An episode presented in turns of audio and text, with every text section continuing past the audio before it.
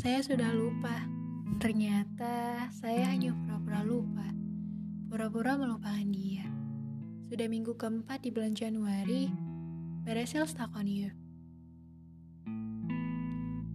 Bagaimana kabar kalian semua? Baik-baik aja kan? Saya selalu mendoakan semoga hari-hari kalian selalu menyenangkan. Hari ini saya juga mau minta maaf. Saya udah lama gak nemenin kalian di minggu-minggu sebelumnya. Maafin saya ya. Mana nih senyum-senyum manis kalian? Senyum-senyum yang selalu berhasil ngisi energinya saya. Senyum dulu dong.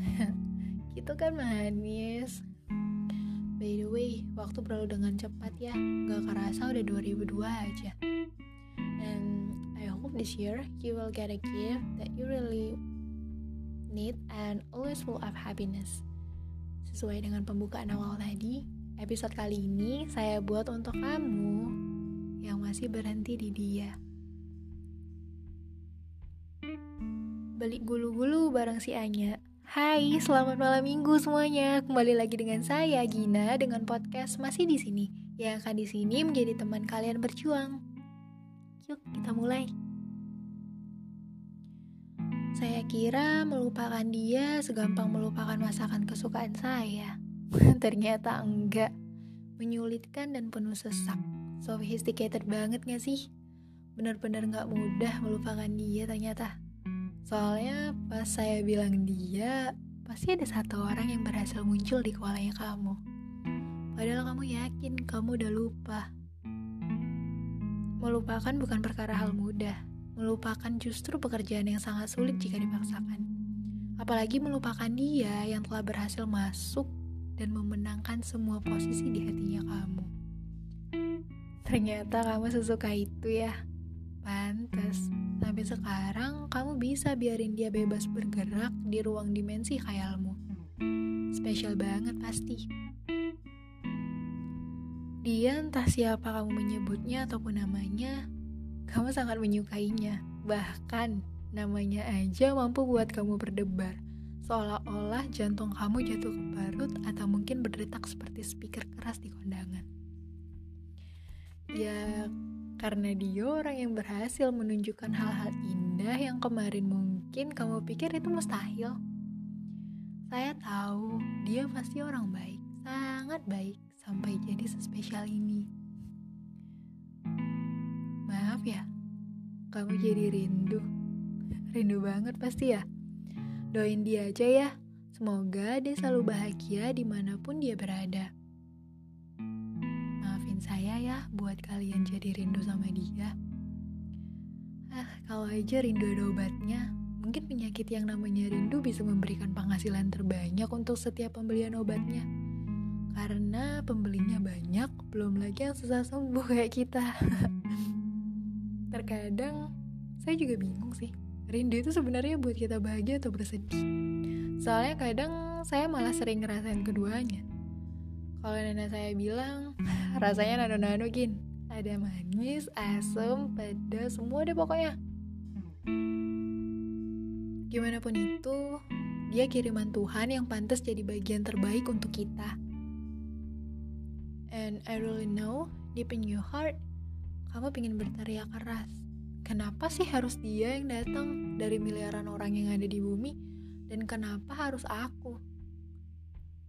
Tiap orang yang datang, yang kita temuin di hidup kita selalu punya pelajaran yang ngajarin kita banyak hal. Mungkin aja Tuhan sengaja ngirim dia supaya kita bisa belajar tentang hal-hal yang belum pernah kita temuin sebelumnya. Mungkin dia pingin ngajarin caranya jadi orang baik, cara berjuang, karakter yang buat nyaman, atau entah caranya menjalani hidup atau memaknai hidup. Enggak apa-apa, kalau sekarang kamu masih mikirin dia, that's okay. Belajar pelan-pelan buat ikhlasin dia. People come and go. Kita nggak bisa maksain orang-orang selalu sama kita selamanya. Mungkin aja bahagianya kamu bukan sama dia atau sebaliknya. Jangan terlalu nyalahin diri kamu sendiri. pada akhirnya semua orang itu cuman singgah. Belajar buat nerima bahwa nggak selamanya kita terus bareng sama orang yang kita sayang. Selalu ada batas waktu yang kita juga nggak tahu kapan. Dan jangan pernah tutup diri kalian.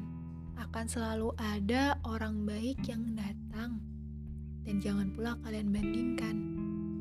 Mungkin untuk saat ini yang kalian butuhkan adalah keberanian, ataupun ini waktunya untuk kamu mencintai diri kamu sendiri. Ayo, udah berapa lama egois sama diri sendiri? Gak kasihan sama diri sendiri. Masih banyak mimpi yang harus kamu kejar. Ada orang tua yang harus kamu banggakan. Dan masih banyak orang-orang yang peduli sama kamu. Saya ingin melihat kamu bahagia dan enggak meletakkan bahagianya kamu cuman karena dia. Bahagia itu kamu yang nyiptain, bukan dia ataupun orang lain. Akan ada selalu orang baik yang datang di hidupnya kamu, dan mungkin aja ada yang lebih baik dari dia di depan sana. Kalau kata orang, semua sesuai ukurannya, porsi, dan waktunya. Gak ada yang lebih, kurang, ataupun yang aneh-aneh. Selalu pas dan jangan coba-coba bilang gini ke diri kamu. Jangan mikirin dia, gak bisa. Karena sistem kerja otak kita yang aneh. Kata jangan malah buat kita tuh malah mikirin dia.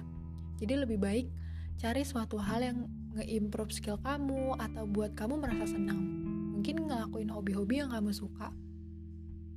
Ingat, dia udah bahagia. Jadi kamu juga harus bahagia. Emang perlu waktu, tapi perlahan dan jika kalian jumpa dia lagi, pasti nggak kayak sekarang lagi. Semua butuh proses, jadi jalanin dan hadapin dengan tangguh. Saya yakin kamu bisa. Ya, saya kebanyakan ngobrolnya ya, maaf ya. Oh iya, sebelum saya tutup, hmm, saya mau rekom satu buku yang kemarin saya beli. Nah, buku ini tuh bagus banget buat kalian.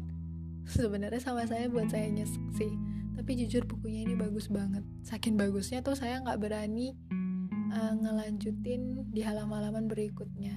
Jadi ada satu part yang buat saya tuh ngestak berhenti baca bukunya tapi saya pingin tahu gitu cuman saya belum berani. Tapi di Jumat kemarin saya berani nyelesain buku itu.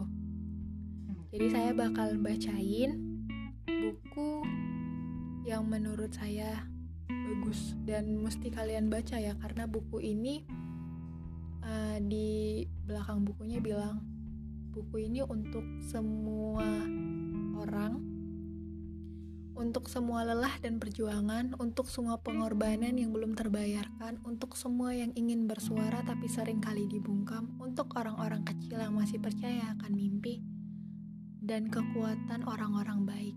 Buku ini untuk kalian. Jadi, saya saran kamu baca buku ini. Saya mulai ya. Adara yang baik hati, aku tahu aku bukanlah pujangga yang bisa merangkai kata indah untuk membuatmu tersenyum. Tapi sudahlah, di hari spesialmu ini aku hanya ingin mengucapkan banyak-banyak terima kasih. Terima kasih karena kamu sudah memberi pengaruh besar dalam hidupku menjadi malaikat baik untukku. Sebenarnya aku tidak ingin kita terlalu dekat seperti ini. Karena hal yang aku takutkan adalah ketika orang-orang di luar sana jadi tahu apa yang aku rasakan. Apa yang aku hidup sekarang, apa yang aku tanggung, dan beragam kesedihan lainnya yang membuat orang lain takut bermain, berinteraksi dengan Ariel yang sebenar-benarnya Ariel di sini. Aku gak mau kamu tahu aku sering mimisan terus. Aku gak mau kamu tahu aku berasal dari keluarga yang punya banyak masalah di dalamnya. Aku gak mau kamu tahu aku yang sering jualan koran tiap sore. Sampai cerita tentang aku jual ponsel demi Nala agar bisa ikut study tour di sekolahnya. Itu semua aku lakukan demi mempertahankan hidup dan rasa damai di keluargaku sendiri. Aku pinginnya kamu tahu aku adalah Ariel yang sama seperti banyak anak laki-laki lainnya. Itu saja. Tapi entah kenapa Tuhan memilih kamu sebagai pendengar semuanya. Padahal kamu teman baruku di sini. Apakah memang kamu dikirimkan untuk menjadi pendengar dari segala kisah ini?